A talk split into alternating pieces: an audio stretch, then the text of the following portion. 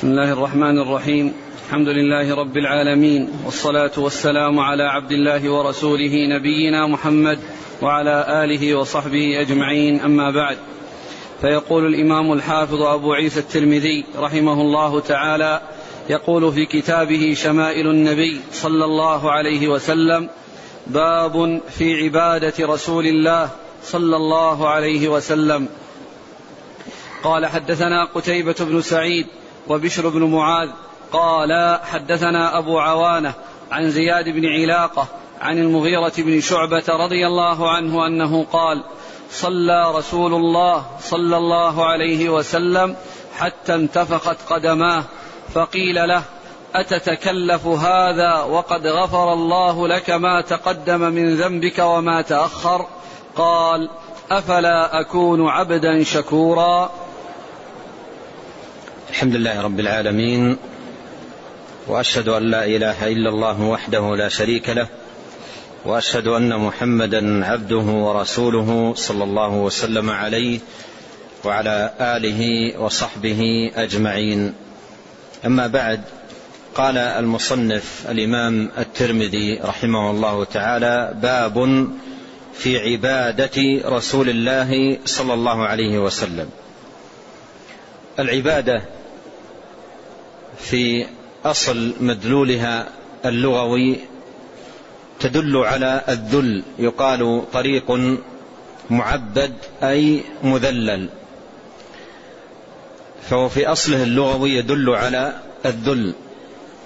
وفي معناه الشرعي هو غاية الذل مع غاية الحب والخضوع لله سبحانه وتعالى. والعبادة حق لله عز وجل على عباده. خلقهم لأجلها وأوجدهم لتحقيقها. وبعث رسله لدعوة الناس إليها وإخلاصها لله جل وعلا. قال الله تعالى وما خلقت الجن والإنس إلا ليعبدون وقال جل وعلا ولقد بعثنا في كل أمة رسولا أن اعبدوا الله واجتنبوا الطاغوت وهي حق الله عز وجل على عباده كما في حديث معاذ. قال أتدري ما حق الله على العباد وما حق العباد على الله؟ قلت الله ورسوله أعلم. قال حق الله على العباد أن يعبدوه ولا يشرك به شيئا. وحق, وحق العباد على الله ألا يعذب من لا يشرك به شيئا. فالعبادة حق لله. العبادة فرضها ونفلها حق لله عز وجل ولا أحقية لأحد فيها كائنا من كان. فلا تصرف إلا لله. ولا يتقرب بشيء منها إلا له سبحانه وتعالى.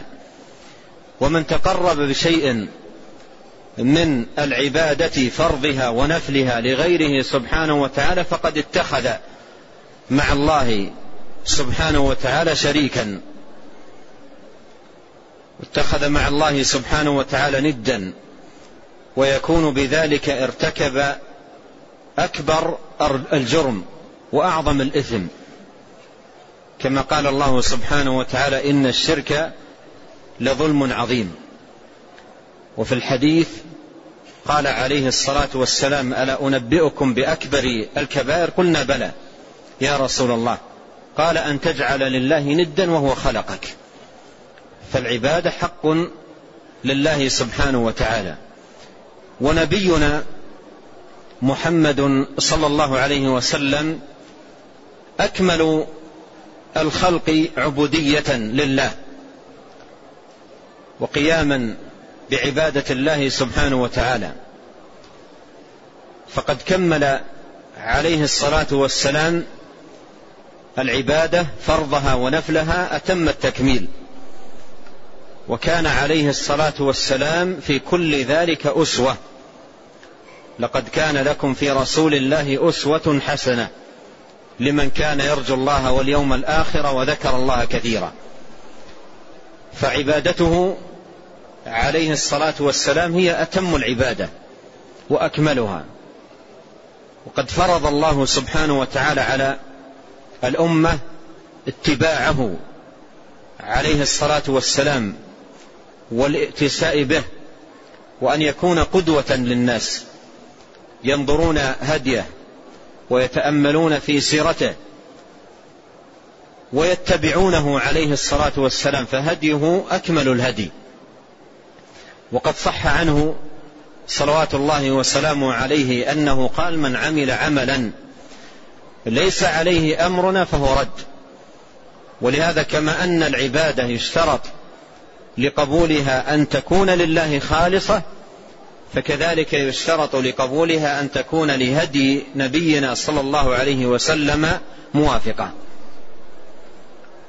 والمصنف رحمه الله تعالى عقد هذه الترجمة عبادة رسول الله صلى الله عليه وسلم ليتأمل المسلم في هديه القويم وسننه المبارك صلوات الله وسلامه عليه ليجاهد نفسه على الائتساء به والاقتداء. والترجمة هنا عامة. قال عبادة رسول الله صلى الله عليه وسلم لكن الأحاديث التي ساقها رحمه الله تعالى تتعلق بقيام الليل تتعلق بقيام الليل وكثرة آه، عناية النبي عليه الصلاة والسلام في الليل بالتهجد والصلاة وذكر الله تبارك وتعالى وتلاوة كتابه سبحانه وتعالى. فالترجمة عامة لكن الأحاديث التي ساقها رحمه الله تعالى تتعلق بقيامه صلوات الله وسلامه عليه الليل متهجدا وذاكرا ومتعبدا لله سبحانه وتعالى. وبدأ رحمه الله تعالى أحاديث الترجمة بحديث المغيرة بن شعبة رضي الله عنه. قال صلى رسول الله صلى الله عليه وسلم حتى انتفخت قدماه. حتى انتفخت قدماه. ومعنى انتفخت أي تورمت. والسبب طول القيام. كان عليه الصلاة والسلام يقوم الليل ويطيل القيام صلوات الله وسلامه عليه حتى إنه قرأ في ركعة واحدة البقرة والنساء. في ركعة واحدة البقرة والنساء. فكان عليه الصلاة والسلام يطيل القيام يقف بين يدي الله عز وجل في الليل ويقوم طويلا. حتى يحصل لقدميه تورم وتنتفخ القدمين من طول قيامه صلوات الله وسلامه عليه. قال حتى انتفخت قدماه أي تورمت قدماه عليه الصلاة والسلام والسبب طول القيام. فقيل له أتتكلف هذا؟ أتتكلف هذا أي هذا القيام الذي يحصل به التورم للقدمين من طوله. وقد غفر الله لك ما تقدم من ذنبك وما تأخر. وقد غفر الله لك ما تقدم من ذنبك وما تأخر. كما في قوله تعالى إنا فتحنا لك فتحا مبينا ليغفر لك الله ما تقدم من ذنبك وما تأخر. أتتكلف هذا وقد غفر الله لك ما تقدم من ذنبك وما تأخر. قال أفلا أكون عبدا شكورا؟ أي أن غفران الله عز وجل لذنبه المتقدم والمتأخر هذه نعمة من الله عز وجل ومنة عظيمة. والمنة تستوجب الشكر للمنعم. والشكر كما أنه يكون بالقلب اعترافا بالنعمة وباللسان ثناء على المنعم وحمدا له فإن الشكر كذلك يكون بالعمل. فإن الشكر يكون بالعمل. وهذا الحديث من الأدلة الدالة على أن الشكر يكون بالأعمال كما أنه يكون بالقلب اعترافا بالنعمة وباللسان ثناء على المنعم وحمدا له فإنه كذلك يكون بالعمل.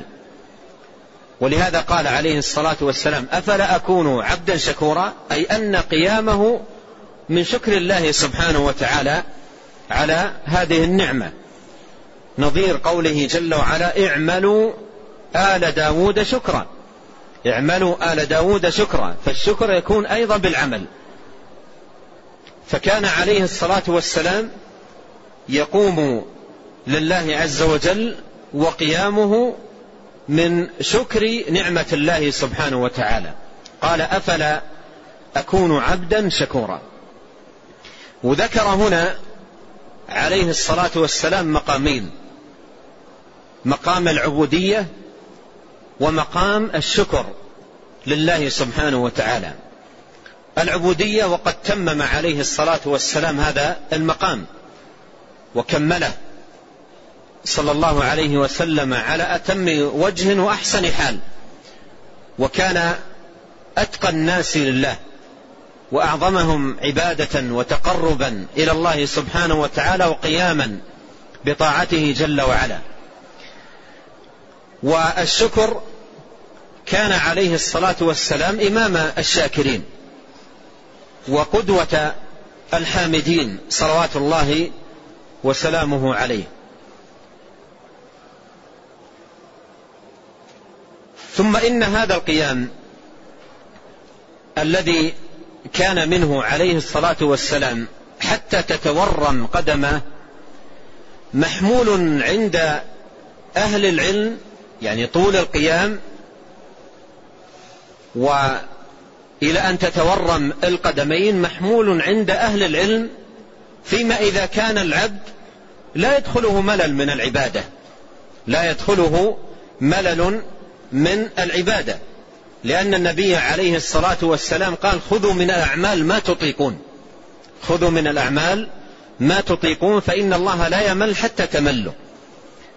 فهذا محمول على ما إذا كان الإنسان لا يمل من من العبادة ولا يحصل له ملل. ونبينا عليه الصلاة والسلام كان هذا شأنه. لا يمل يقف القيام الطويل بدون ملل. صلوات الله وسلامه عليه. أما إذا قام الإنسان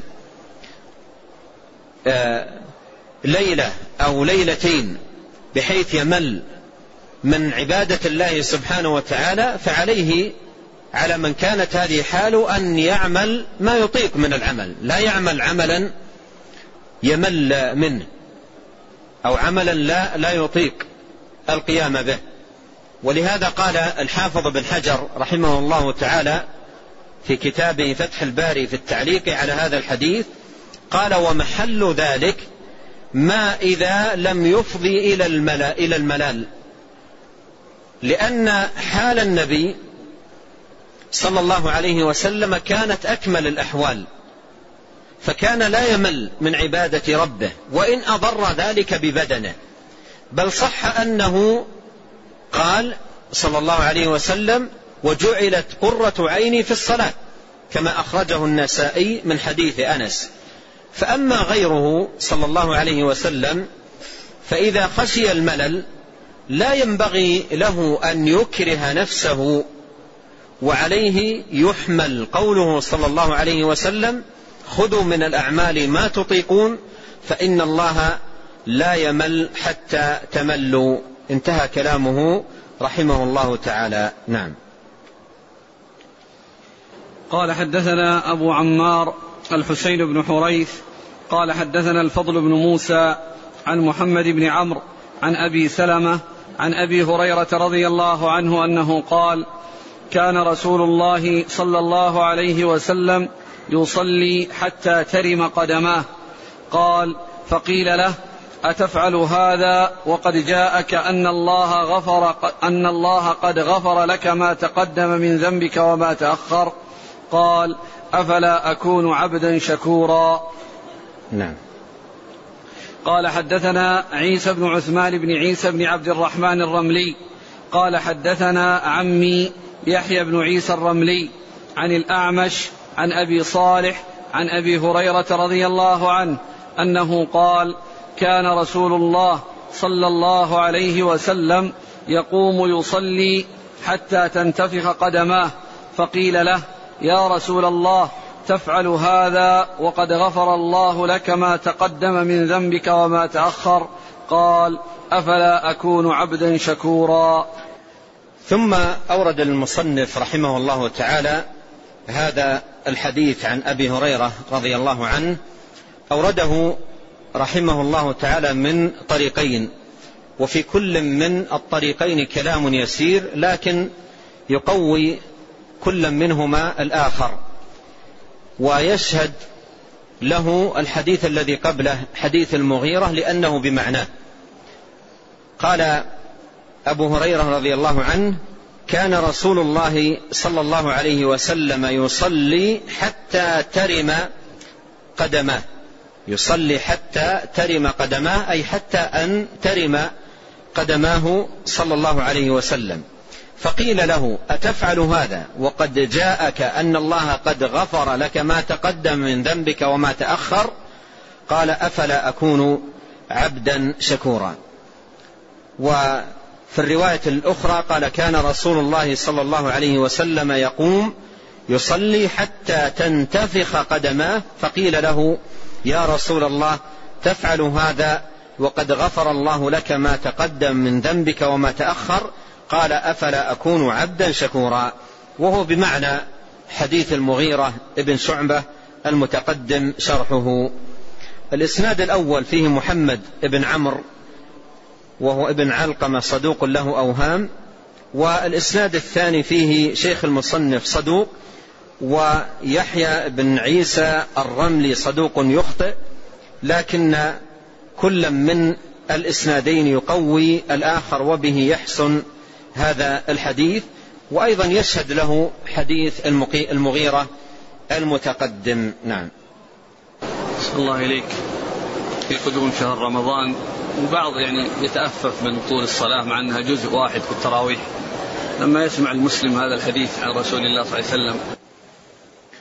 فيما يتعلق بقيام الليل ونحن في هذه الأيام في شوق لهذا الشهر الفضيل والموسم المبارك العظيم وهو موسم آه، الصيام والقيام وتلاوه القرآن وذكر الله سبحانه وتعالى وإطعام الطعام.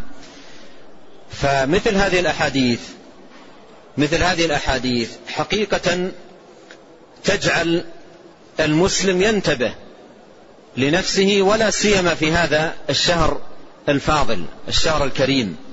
موسم القيام والصلاة وذكر الله سبحانه وتعالى فيجاهد نفسه على القيام. نبينا عليه الصلاة والسلام كان يقوم حتى تتورم قدماه وقد غفر الله له ما تقدم من ذنبه وما تأخر.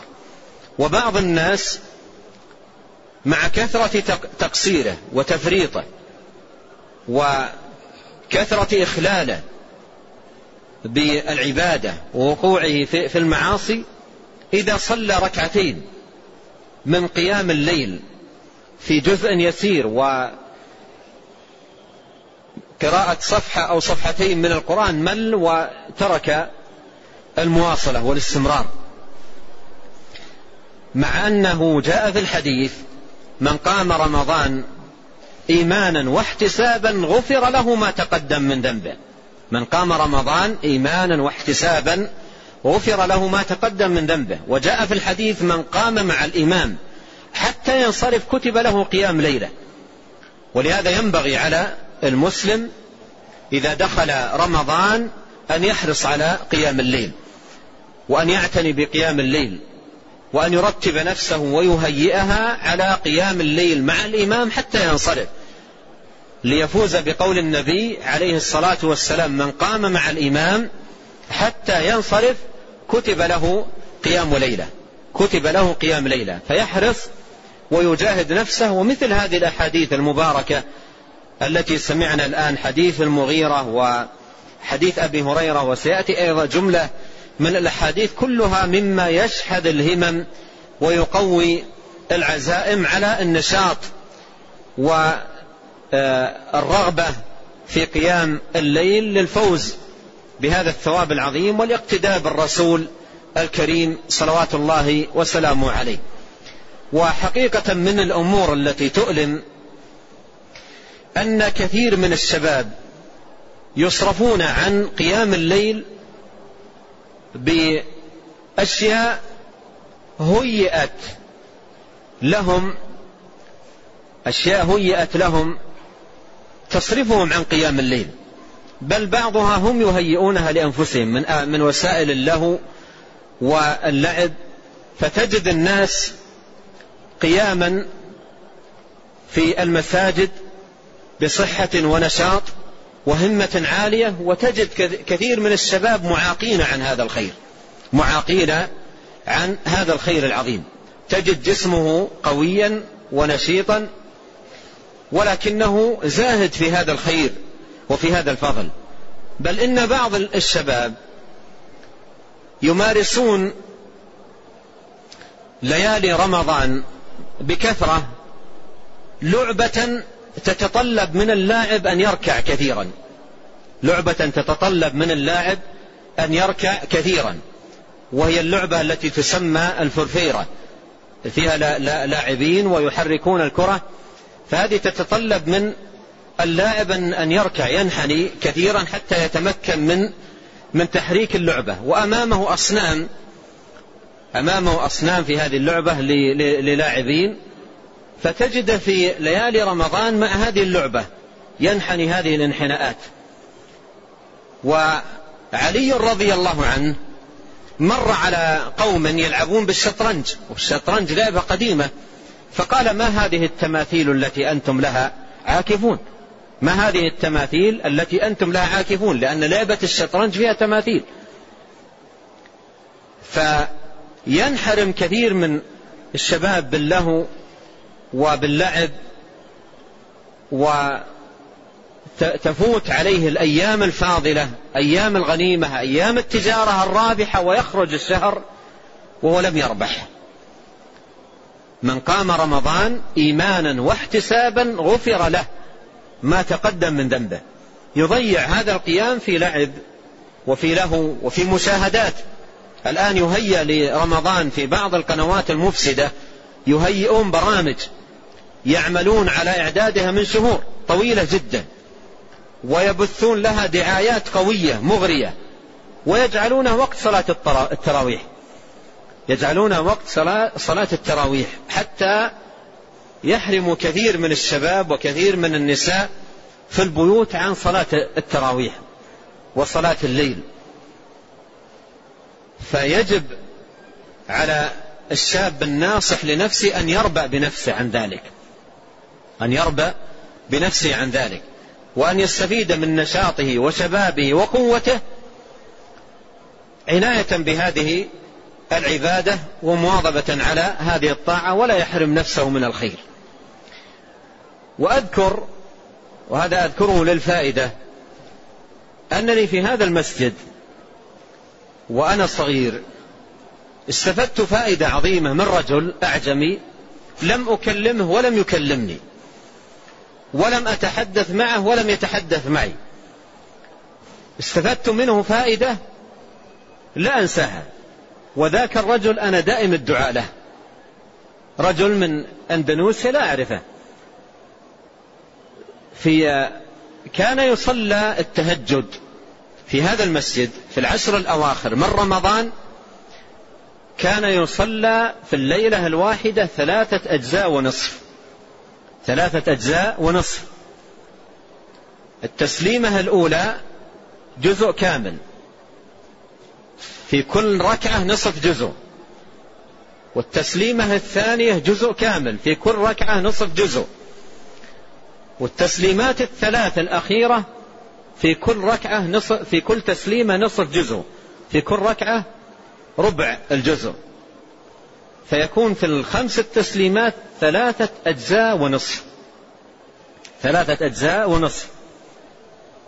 فليلة من الليالي كنت أصلي ومع الجد رحمة الله عليه وجاء رجل أمامي يصلي من أندونوسيا رجله اليسرى مقطوعة من الركبة.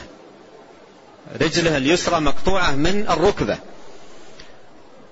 ليس عنده إلا رجل واحدة رجله اليمنى. وجاء بعكازين يعتمد عليهما في عضده وجلس جلس أمامي تماما ليلة من الليالي.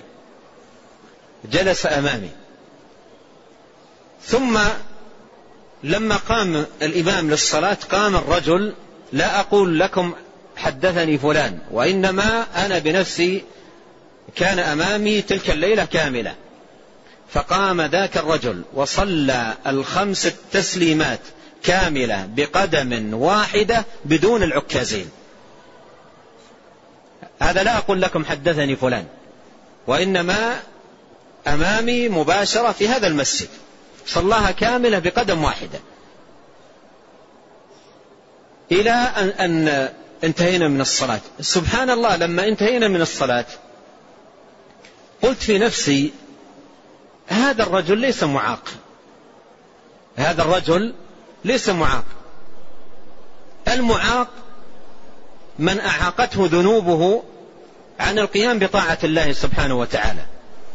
المعاق من أعاقته ذنوبه عن القيام بطاعة الله وحرمته ذنوبه من طاعة الله سبحانه وتعالى.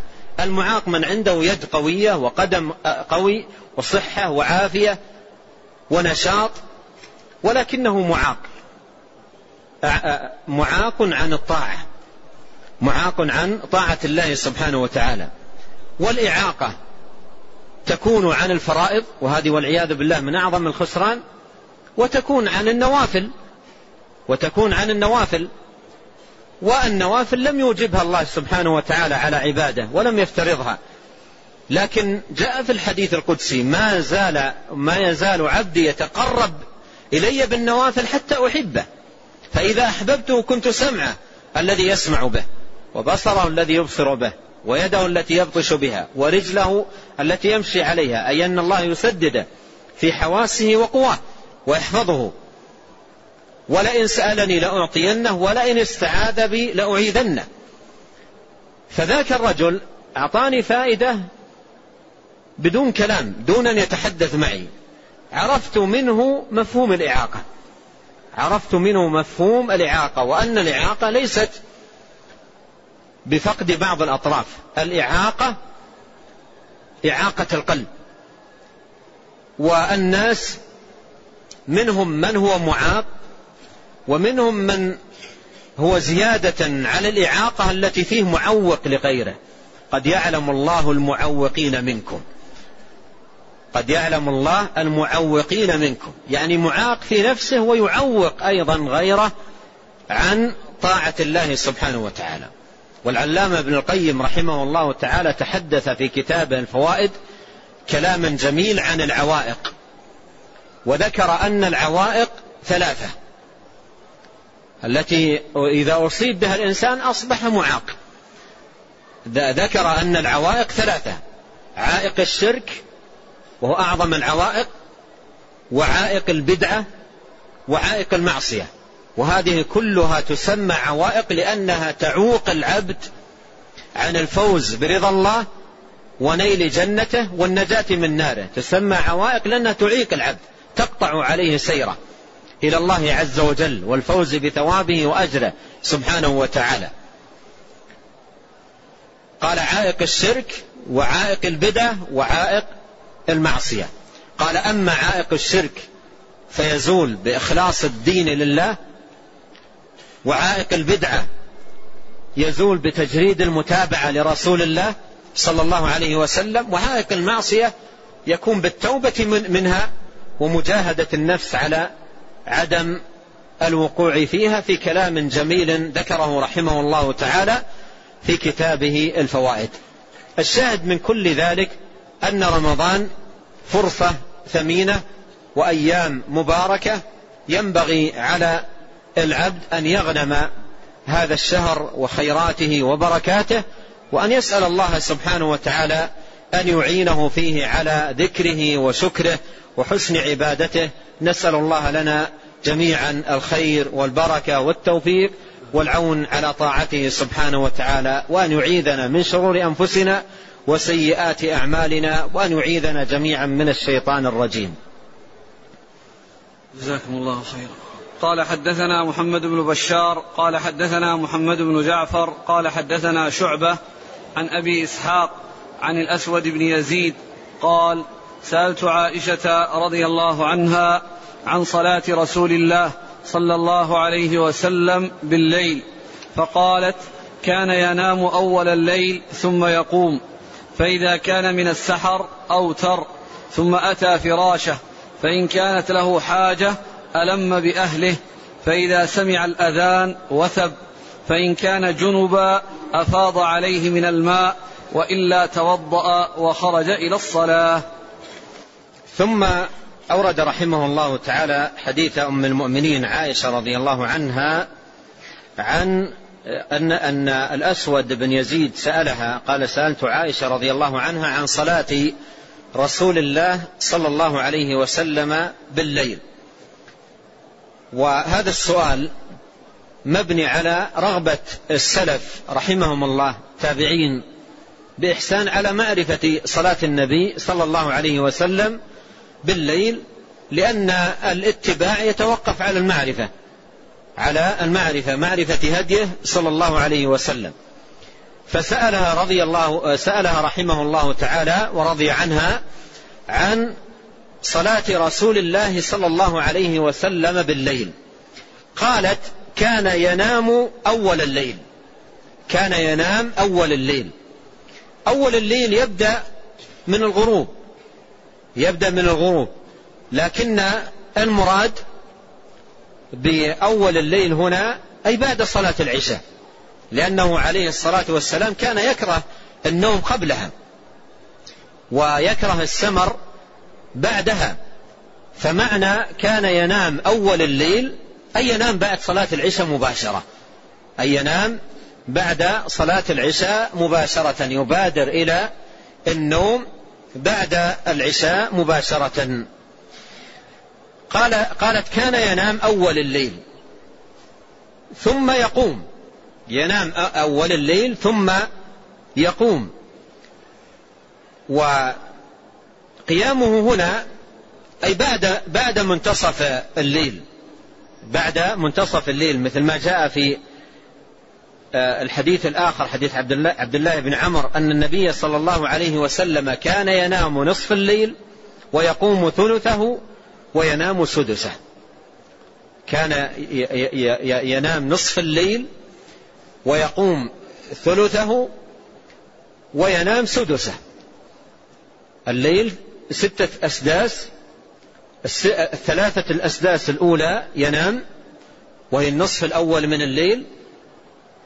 ثم آه الثلاثة الأسداس الأخيرة يقوم السدس الأول والثاني منها.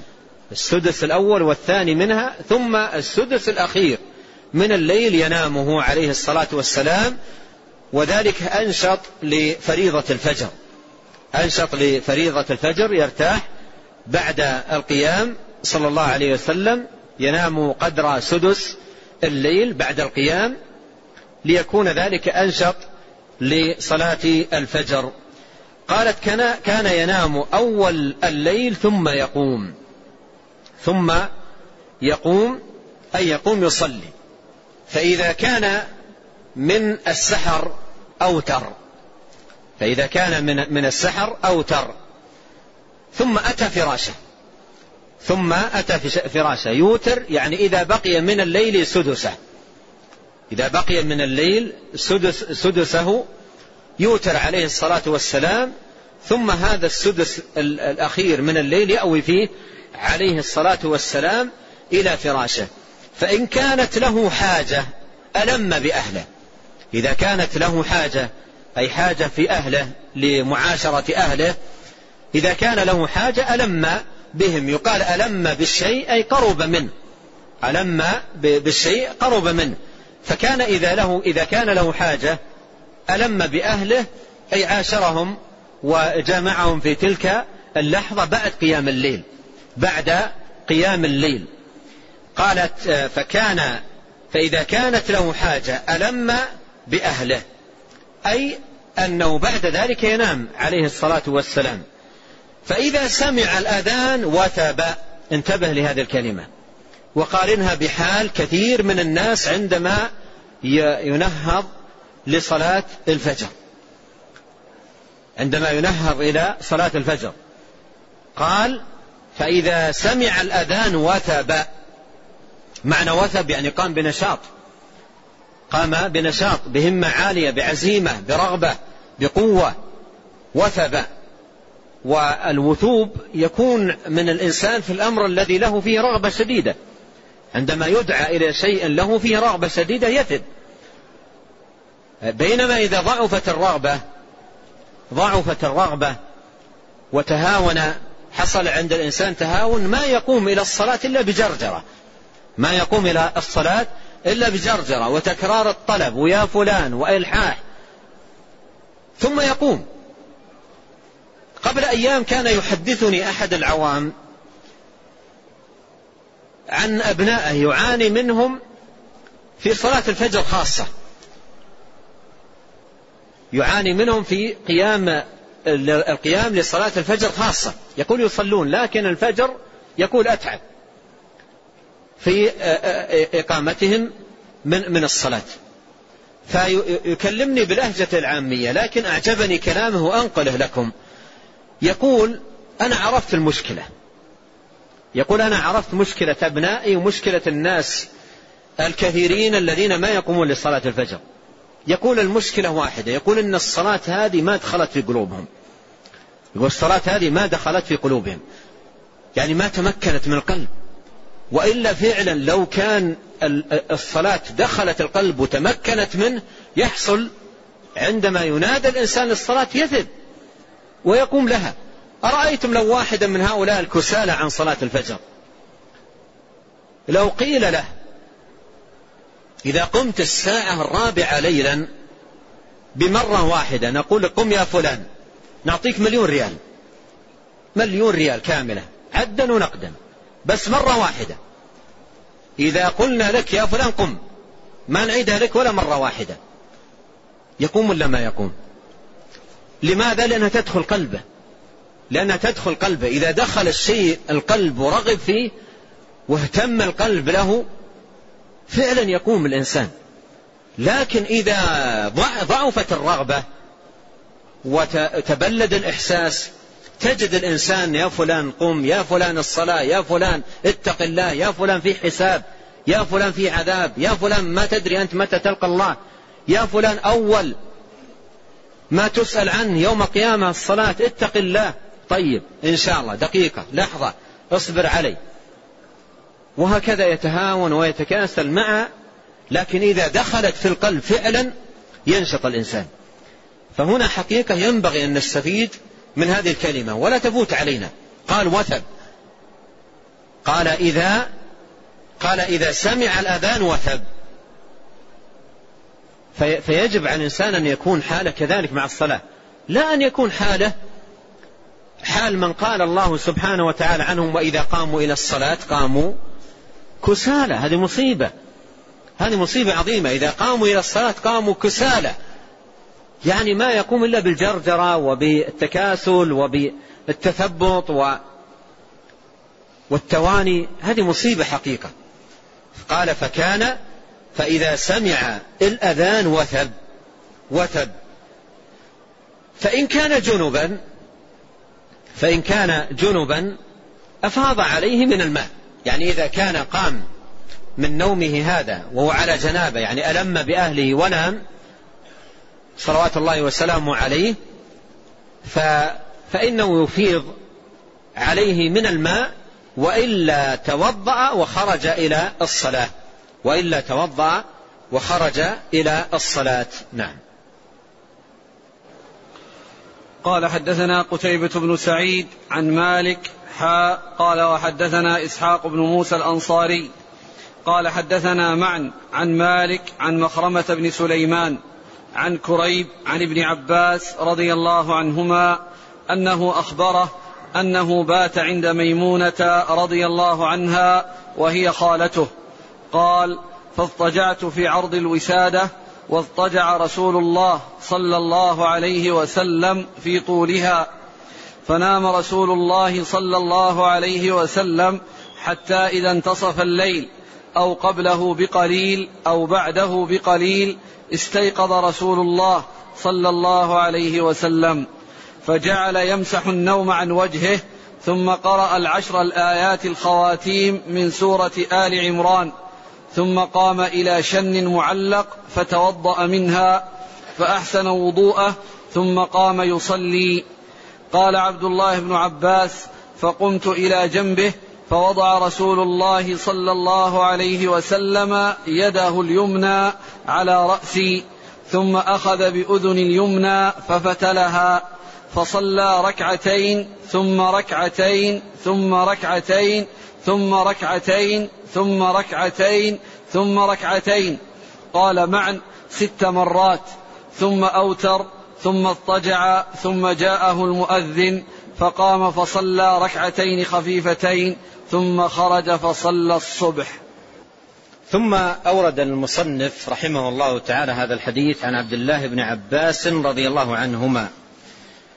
آه، أنه قال أنه بات عند ميمونة رضي الله عنها وهي خالته. أنه بات عند ميمونة رضي الله عنها وهي خالته.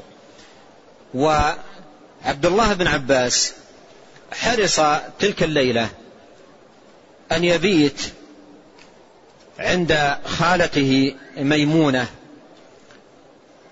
رضي الله عنها وعنه وعن الصحابة أجمعين بغرض أن يعرف صلاة النبي صلى الله عليه وسلم وعبادته بالليل. أراد أن يرى ذلك. كان بوسعه أن يسأل خالته ميمونة لكنه أحب أن يرى ذلك بنفسه فبات تلك الليلة التي يصف آه، رضي الله عنه ما كان فيها في هذا الحديث حرصا منه على أن يشاهد آه، قيام النبي عليه الصلاة والسلام في الليل. ونام مع النبي عليه الصلاة والسلام على وسادته. وضع رأسه مع النبي صلى الله عليه وسلم على وسادته. في عرض الوسادة. وهو في غاية الحرص أن يشاهد قيام النبي عليه الصلاة والسلام من الليل. وجاء في بعض الروايات أنه طلب من خالته. طلب من خالته ميمونة أن توقظه إذا قام. فيما لو, فيما لو لم ينتبه. لكنه انتبه من نفسه وقام. لكنه من زيادة حرصه طلب من خالته ميمونة أن توقظه. إذا قام النبي صلى الله عليه وسلم ليصلي. وهذا يبين لنا أنه رضي الله عنه بات عندهما تلك الليلة من أجل أن يشاهد صلاة النبي صلى الله عليه وسلم وعبادته في الليل. أنه أخبره أنه بات عند ميمونة رضي الله عنها وهي خالته. أقف هنا وقفة ثم بعد ذلك أواصل لأسأل سؤالا. اختبار فيما سبق. مر معنا عند المصنف رحمه الله تعالى آه، حديثا عرفنا من خلاله أن ابن عباس وخالد بن الوليد كلاهما أبناء خالة. وخالتهما ميمونة آه، رضي الله عنها. فما هو الحديث وما اسم أم كل منهما؟ ما اسم والدة عبد الله بن عباس وما اسم والدة خالد ابن الوليد. وهذا مر معنا في حديث عند المصنف رحمه الله تعالى الذي يعرف من الإخوان يرفع يده. كلكم نسيتم. تفضل يا أخي. ارفع الصوت. ارفع الصوت. اسم والدة. يقول اسم والدة خالد بن الوليد لبابة بنت الحارث. ها؟ وتكنى أم خالد. والدة عبد الله بن عباس لبانة. لا لبابة.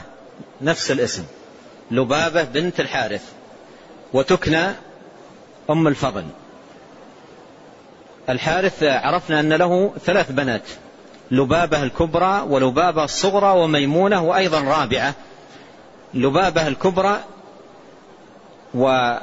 ووالدة الفضل ولبابة الصغرى والدة آه، خالد بن الوليد وكلتاهما أخوات لميمونة آه، آه، رضي الله عنها. طيب ما هو الحديث الذي مر معنا؟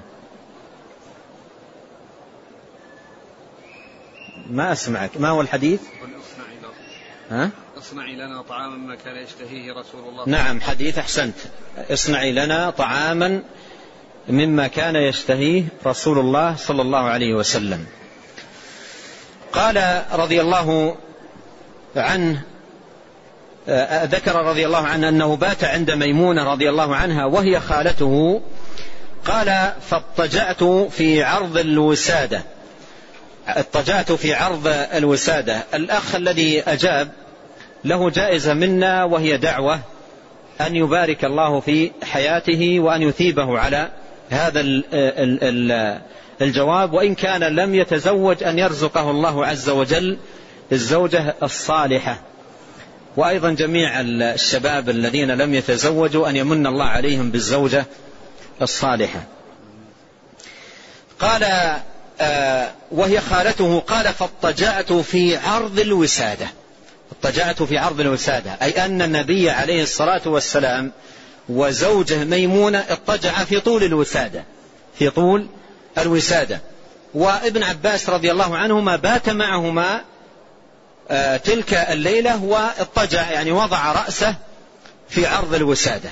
في عرض الوسادة يعني توسد وسادة النبي عليه الصلاة والسلام. بات معه وهو غلام مميز عند خالته وبات معهما تلك الليلة في عرض الوسادة.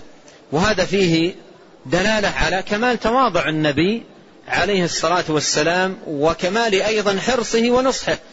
لما علم من هذا الشاب حرصه الشديد ورغبته العظيمة في معرفة هدي النبي عليه الصلاة والسلام تركه عليه الصلاة والسلام ينام معه في في عرض الوسادة. قال فاضطجعت في عرض الوسادة واضطجع رسول الله صلى الله عليه وسلم في طولها في طولها. جاء في بعض الروايات أنه عليه الصلاة والسلام تحدث مع زوجه. تحدث مع زوجه ميمونة. وعبد الله بن عباس معهما معهما في, في, في, في الطرف فتحدث معها. ثم نام رسول الله صلى الله عليه وسلم حتى إذا انتصف الليل. حتى إذا انتصف الليل. وهو بمعنى حديث عائشة وحديث عبد الله بن عمرو قد أشرت إليه قريبا قال أو قبله بقليل أو بعده بقليل. يعني في في هذه المحاري في منتصف الليل قبله بقليل أو بعده بقليل أي في هذه المحاري. قال استيقظ رسول الله صلى الله عليه وسلم فجعل يمسح النوم عن وجهه. جعل يمسح النوم عن وجهه أي لينشط للنهوض والقيام. وإذا حرك الإنسان على يده على على وجهه بعد القيام من من من النوم يحس بشيء من النشاط وذهاب النوم والرغبة في النوم عنه. قال يمسح النوم عن وجهه ثم قرأ العشر الآيات الخواتيم من سورة آل عمران. بدءا من قوله تعالى إن في خلق السماوات والأرض واختلاف الليل والنهار. لآيات لأولي الألباب الذين يذكرون الله قياما وقعودا وعلى جنوبهم ويتفكرون في خلق السماوات والأرض ربنا ما خلقت هذا باطلا سبحانك فقنا عذاب النار. يقرأ الآيات إلى تمام السورة. يا أيها الذين آمنوا اصبروا وصابروا ورابطوا واتقوا الله لعلكم تفلحون. يقرأ هذه الآيات صلوات الله وسلامه عليه. مسح الوجه وقراءة هذه الآيات من الأمور العظيمة المعينة على قيام الليل. من الأمور العظيمة المعينة على قيام الليل. فكان يقرأ عليه الصلاة والسلام هذه الآيات المباركات وهو على فراشه ثم قام. يعني بعد قراءتها يقوم من الفراش. يعني هو على فراشه يقوم يجلس يمسح وجهه ثم يقرأ عليه الصلاة والسلام هذه الآيات إلى تمام السورة. ثم قام عليه الصلاة والسلام إلى شن معلق الشن القربة وهي تصنع من الجلد. و وقوله شن يعني قربة قديمة قربة قديمة أو بالية. قال آه، شن معلق فتوضأ منها. فتوضأ منها.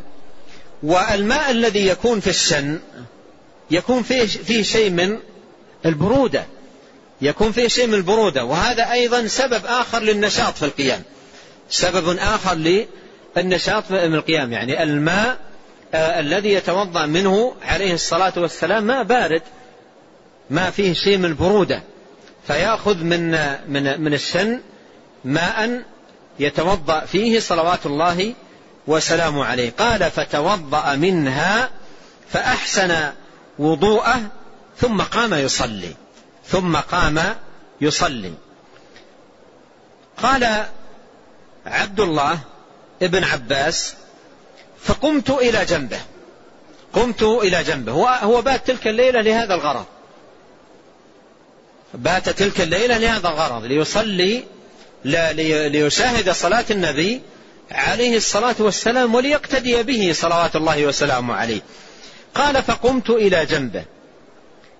فوضع رسول الله صلى الله عليه وسلم يده اليمنى على رأسي ثم أخذ بأذني اليمنى ففتلها فصلى ركعتين. فصلى ركعتين. الفتل هنا للإذن حصل أولا لما قام ابن عباس قام على يسار النبي عليه الصلاة والسلام فأخذه عليه الصلاة والسلام وأداره إلى أن جعله على يمينه إلى أن جعله على يمينه. قال ثم أخذ بأذن اليمنى ففتلها. فتل الأذن يكون بتحريك اليد على الأذن. يكون بتحريك اليد على الأذن تحريكا رفيقا يسيرا. قال ففتلها. جاء في بعض الروايات أنه عن ابن عباس أنه قال إنما صنع ذلك ليؤنسني بيده في ظلمة الليل. يعني نوع من التأنيس والتنشيط لهذا الغلام الذي قام إلى جنب النبي عليه الصلاة والسلام ليصلي. ليصلي. وهذا يستفاد منه أن الحركة اليسيرة في الصلاة وأيضا الحركة التي تكون من مصلحة الصلاة لا تؤثر على الصلاة. لا تؤثر على الصلاة. وأجد هذه فرصة للتنبيه. بعض الناس عندما يكون معه الجوال في جيبه ويرن يرى أن الحركة في الصلاة تؤثر على الصلاة ويترك الجوال في جيبه يخل بصلاة المصلين كلهم الذين في المسجد. وهذا من الخطأ وقلة الفقه في دين الله. فإذا نسي الإنسان الجوال وبدأ الصوت العالي يجب عليه أن يضع يده في في جيبه ويطفئ الجوال حتى لا يفسد على الناس خشوعهم وصلاتهم وعبادتهم. وهذه حركة من أجل الصلاة. لا تؤثر على الصلاة بل تتأكد وتتعين. رعاية لصلاته هو وصلاة المصلين. فالحركة اليسيرة وأيضا الحركة التي من مصلحة الصلاة هذه لا تؤثر. قال فجعل آه، ففتلها فصلى آه، فصلى ركعتين. فصلى ركعتين. ثم ركعتين. ثم ركعتين. ثم ركعتين. ثم ركعتين. ثم ركعتين. أي مجموع ذلك ثنتي عشرة ركعة. بست تسليمات. ست تسليمات. قال معا ست مرات. يعني ثم مر ثم ركعتين ثم ركعتين أي كرر ذلك ست مرات وهذا تأكيد من الراوي على العدد بحيث لو أنه سقط من الناسخ أو من المملي أو نحو ذلك تأتي هذه الكلمة من معا تثبيت العدد والتأكيد عليه. قال معا ست مرات ثم أوتر. فكان بذلك مجموع الركعات التي ركع عليه الصلاة والسلام وابن عباس إلى جنبه ثلاث عشرة ركعة. ثلاث عشرة ركعة ثم اضطجع. ثم اضطجع. هذا الاضطجاع كما يوضح ذلك الروايات الأخرى أو الأحاديث الأخرى السدس الأخير من الليل. يعني يقوم في في منتصف الليل ويصلي بقدر سدسين من الليل ثم السدس الأخير من الليل ينام عليه الصلاة والسلام ليكون أنشط لأداء صلاة الفجر. قال ثم جاءه المؤذن يعني بلال فقام فصلى ركعتين خفيفتين ثم خرج فصلى الصبح. صلى ركعتين خفيفتين هذه نافلة الفجر. نافلة الفجر التي تكون قبل تكون بعد الأذان صلى ركعتين خفيفتين. والسنة في ركعتي الفجر أن تخفف. وكان عليه الصلاة والسلام يقرأ فيهما بقل يا أيها الكافرون وقل هو الله أحد. وذلك ليفتتح عليه الصلاة والسلام عمل النهار بالتوحيد بنوعيه العلمي والعملي لأن سورة قل يا أيها الكافرون فيها التوحيد العملي. وسورة قل هو الله أحد فيها التوحيد العلمي. فكان عليه الصلاة والسلام يفتتح عمل النهار بهاتين السورتين المشتملتين على التوحيد بنوعيه العلم والعمل. ويختتم عمل النهار أيضا ويفتتح عمل الليل بهاتين السورتين. لأنه صح في الحديث أنه عليه الصلاة والسلام يقرأ في الركعتين اللتين يتنفل بهما بعد صلاة المغرب بقول يا أيها الكافرون وقل هو الله أحد. وأيضا يختم صلاة الليل بقل يا أيها الكافرون وقل هو الله أحد. فيختم عمل الليل صلاة الليل بهاتين السورتين. ومر معنا البارحة أنه عليه الصلاة والسلام جاء عنه في في أذكار النوم قراءة قل يا أيها الكافرون قال واجعلها في حديث فروة بن نوفل الأشجعي واجعلها خاتمة خاتمة قراءتك أو ونم نعم ونم على خاتمتها فإنه فإنها تكون لك براءة من الشرك. ونم على خاتمتها فإنها تكون لك براءة من الشرك. وأيضا جاء في حديث عائشة أنه يقرأ قل والله أحد. الآن عرفنا من خلال العرض السابق أن آه، ثمة أربعة مواضع في اليوم والليلة يستحب فيها قراءة قل يا أيها الكافرون وقل والله أحد. أربعة مواضع في اليوم والليلة يستحب فيها قراءة قل يا أيها الكافرون وقل هو الله أحد. فأريد أحد الإخوة الكرام يعيد آه، لي الأربعة المواضع. أبو محمد بعيد أنت. ارفع صوتك أبو محمد. أولا صلاة الفجر. صلاة الفجر. والثاني والثاني سنة المغرب بعد ليس بعد الأذان بعد الصلاة. بعد صلاة المغرب راتبة المغرب التي بعد صلاة المغرب السنة أن يقرأ في الركعتين قل يا أيها الكافرون وقل هو الله أحد.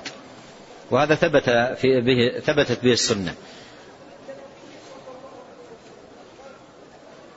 الثالثة عند عند النوم. جميل عند النوم نعم. في حديث فروة وحديث عائشة. الرابعة اختتم بها قيام الليل. عاد أبو محمد ما حنا بقايلين الله يزوجك. الله يثيبك يبارك فيك.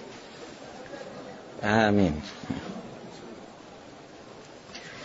الأخ اللي دعينا له بالزواج فيه فيه أيضا الجواب فيه نقص لكن الدعوة باقية إن شاء الله.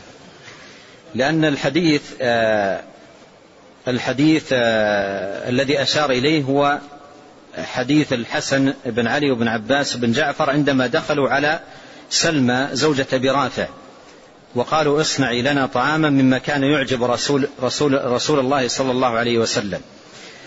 لكن الحديث الذي إليه الإشارة هو حديث رقم 205 عن ابن عباس رضي الله عنهما قال دخلت مع رسول الله صلى الله عليه وسلم أنا وخالد بن الوليد على ميمونة فجاءتنا بإناء من لبن فشرب رسول الله صلى الله عليه وسلم وأنا على يمينه وخالد على شماله.